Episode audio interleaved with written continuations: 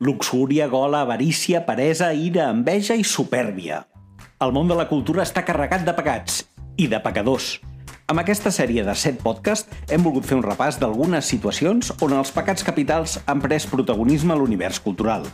Benvinguts als 7 pecats culturals. Benvinguts a Culturalia Ràdio.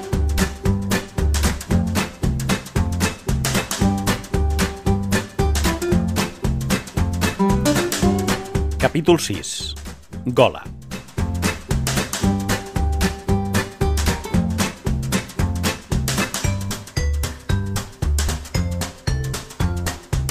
Imagineu-vos com era el món cap a l'any 1700 abans de Crist al sud de la Mesopotàmia, una societat pròspera per l'època. D'ells n'hem obtingut les primeres receptes de cuina. Ens han arribat gravades en taules d'argila i sabem que menjaven pa en diverses formes, rostits de verdures, sobretot d'ais i cebes, i ja fabricaven cervesa i feien servir l'oli d'oliva. Aquest és el primer testimoni que tenim de com es cuinava. I és que el menjar ha sigut molt important al llarg de la història. Més enllà de ser necessari per a viure, ha estat i és símbol de distinció social i els rics l'han fet servir per lluir-se. És com se celebren la majoria de les bones notícies a qualsevol lloc del món i avui dia a la nostra societat moltes de les grans decisions s'han pres al voltant d'una taula tot menjant, i sovint menjant més del compte. Enric VIII d'Anglaterra és conegut sobretot per la seva quantitat de matrimonis i les condemnes a mort de les seves exesposes, però també per ser un golafre de nassos.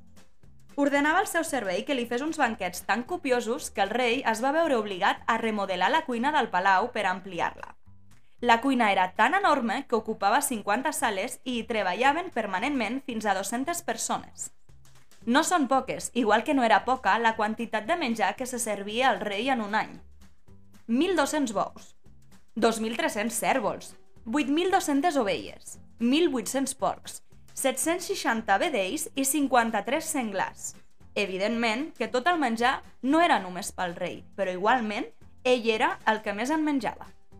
Avui parlem de la gola, el pecat capital relacionat, evidentment, amb el menjar. I per parlar de menjar, en parlem amb la Mary Colell.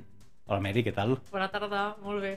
Ets especialista, d'alguna manera, en, en golafreries, perquè a través del teu Instagram ens transmets cada dia eh, ganes de ser golafres.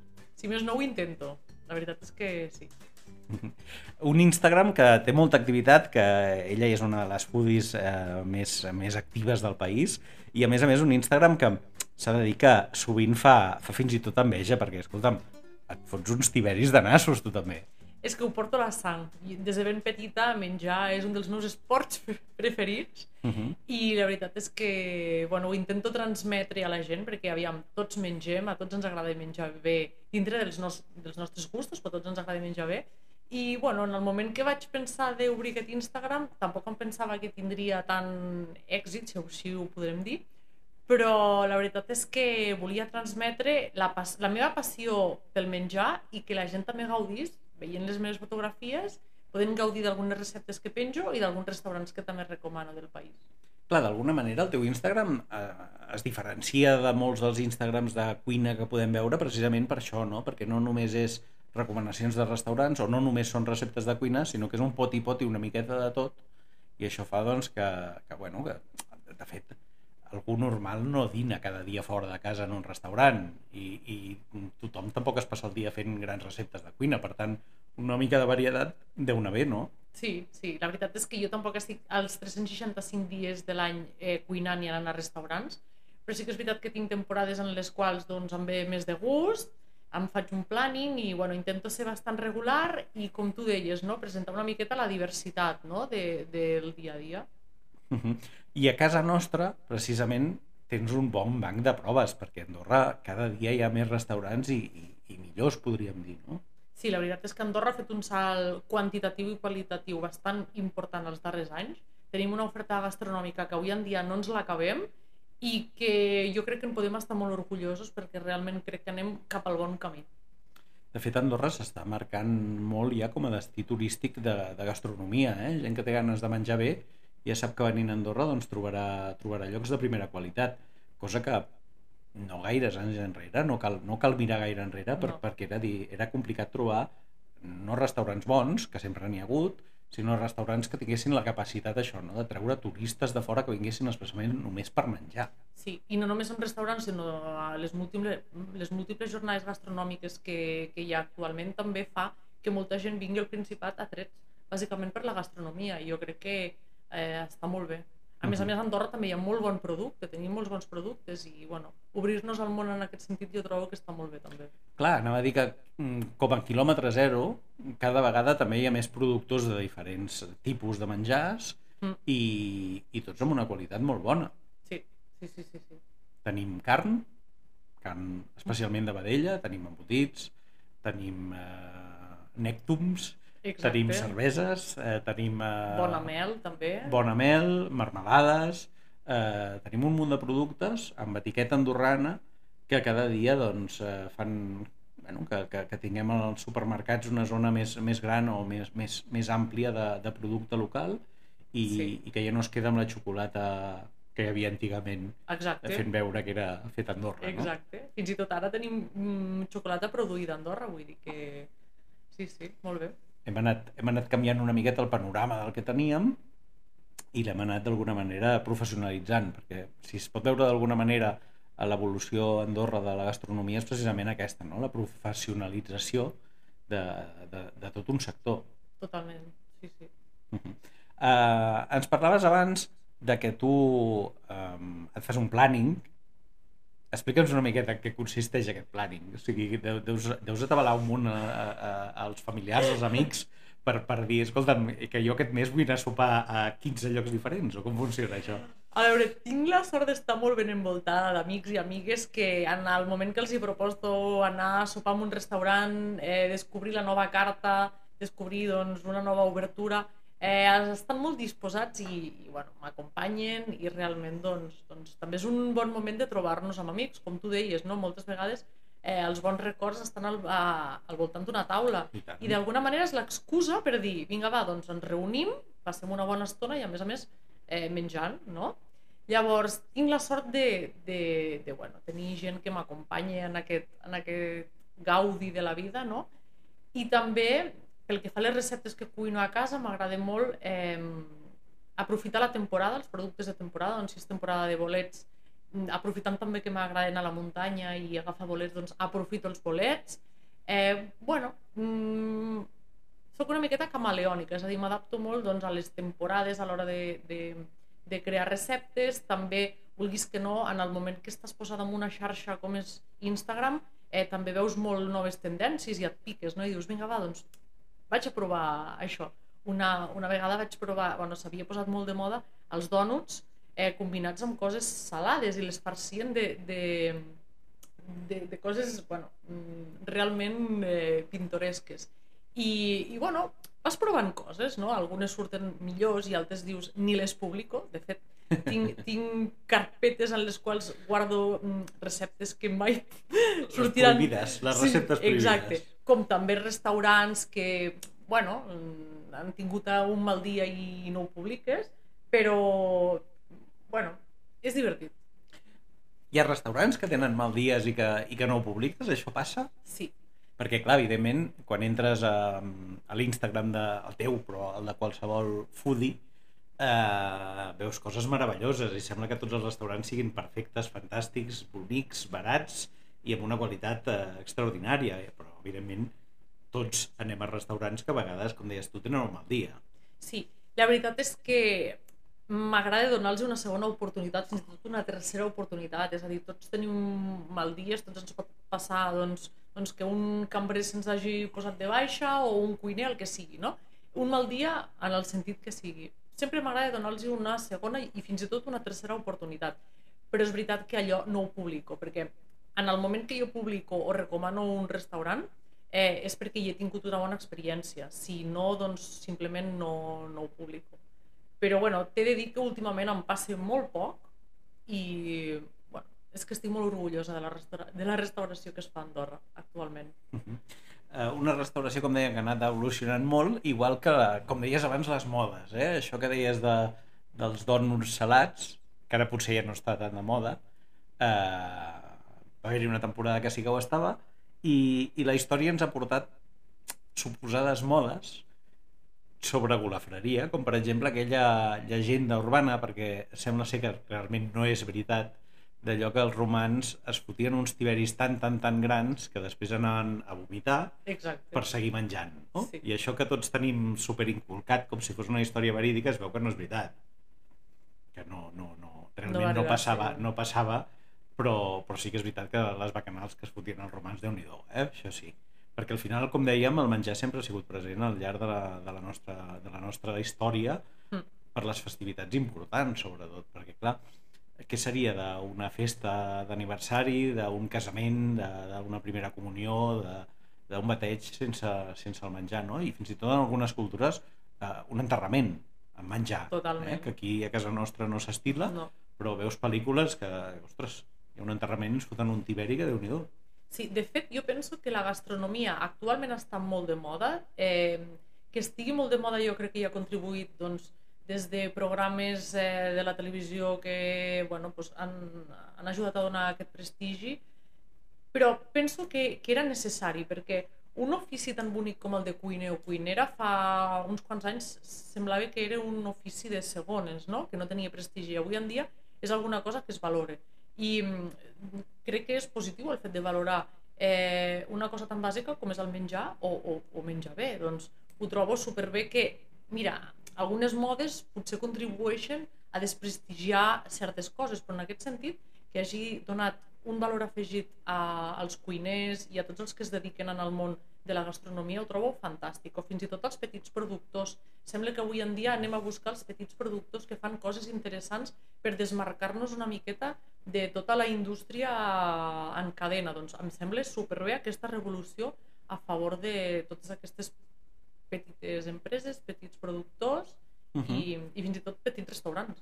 I de fet, aquí al costat, a a l'Alt Urgell, eh, precisament amb els productors de formatges, doncs en els últims anys s'ha prestigiat moltíssim la figura de, del formatger i aquests formatges que no estan fets de manera industrial i que per tant tenen uns gustos espectaculars, Sí. eh, que evidentment són més cars, evidentment, però és que estàs pagant la qualitat. No?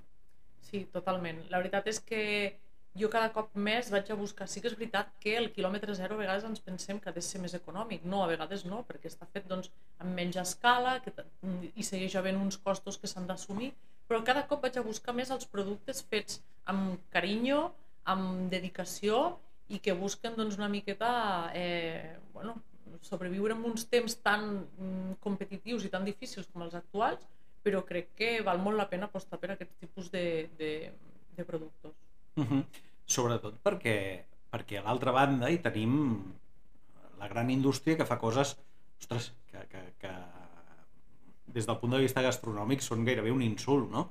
Eh, hi ha grans cadenes de supermercats que vas a la secció de formatges i que t'estan venent una cosa que no és formatge Totalment. com si ho fos, no? Sí, i que són restes de vés a saber què. No, evidentment, Sí. clar, producte controlat i, i que es pot menjar, però no és formatge. I passa igual amb certs embotits, no? que veus eh, un sobre de ratllado, però hi diu ratllado i no diu queso al lloc perquè realment no és formatge. No? totalment. Aquella expressió que diu som el que mengem realment és així. Jo des de fa uns anys em miro molt les etiquetes, també una miqueta lligat amb el tema de les intoleràncies alimentàries que, que, bueno, que m'han detectat fa, fa uns anys, però cada cop em llegeixo més les etiquetes i cada cop, com et deia abans, no, aposto més per productes de proximitat que sé com els han fet, on els han fet i que realment hi ha una, un, una garantia darrere. No?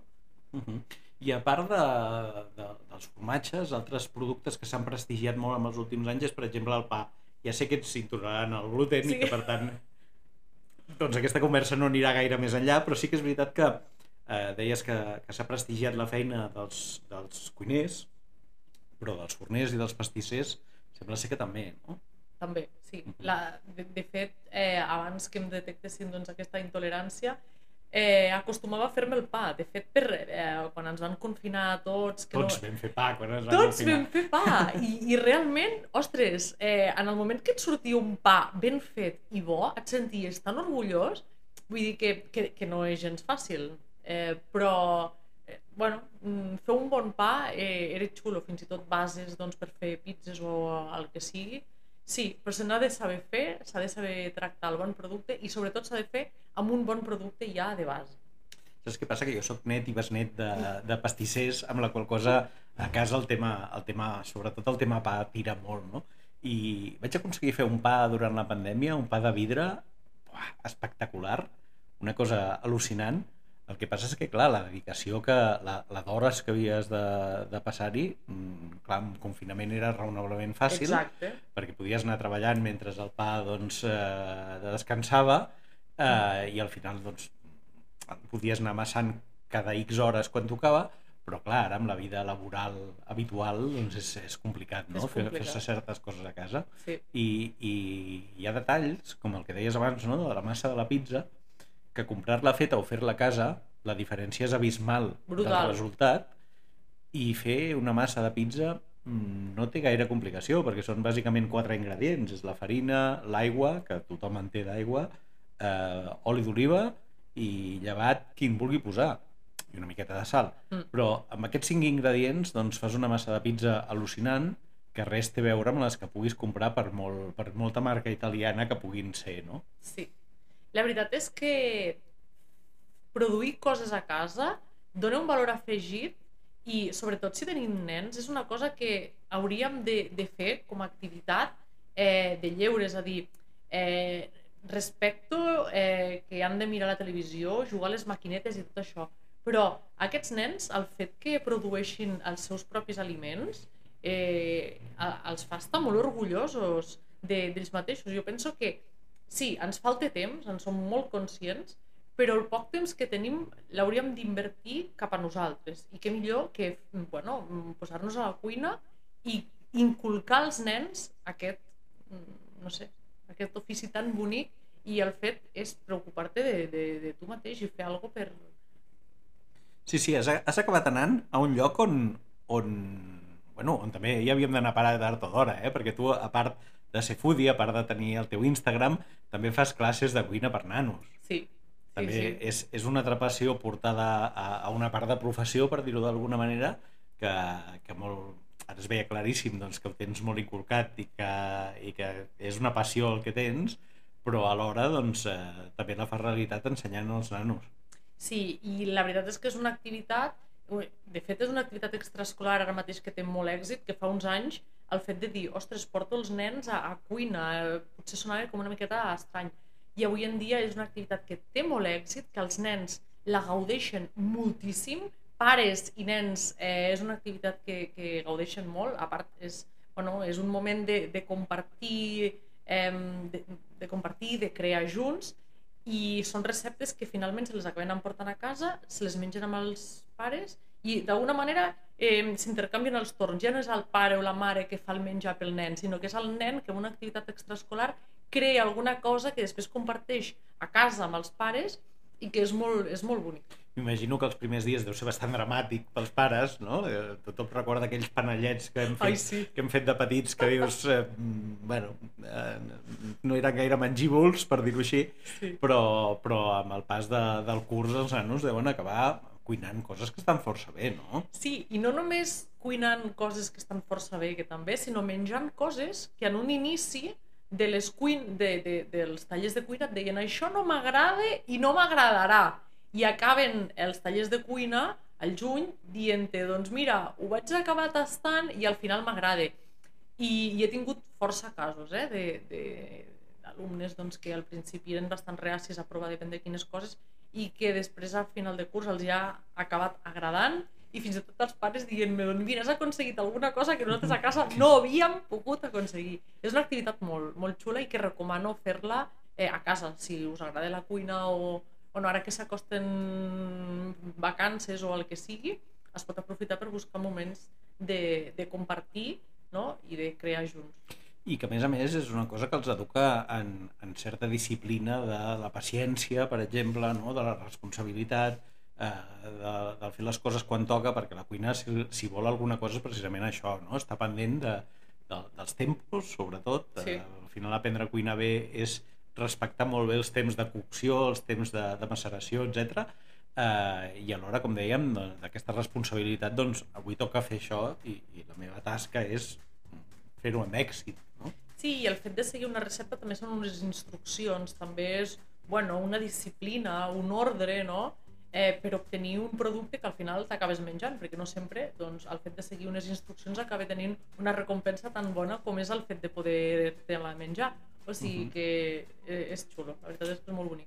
I, i descobrir que a vegades amb molt pocs ingredients i amb gens d'idea de cuina també pots fer plats bons, que no, mm.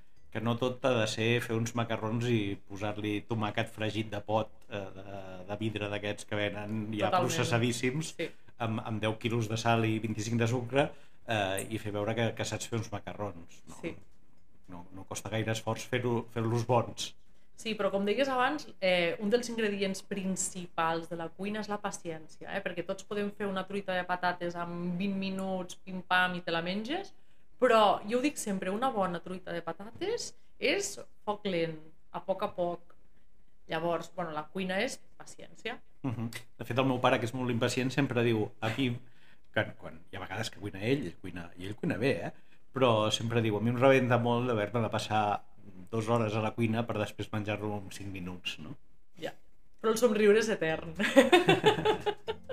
Això mateix. Escolta, Meritxell, eh, ho deixem aquí, amb aquest eh, somriure etern que tu sempre portes pintat a la cara, i si et sembla, segur que trobarem alguna altra excusa per veure'ns algun dia i seguir parlant de menjar. Encantada. Moltes, gràcies. gràcies.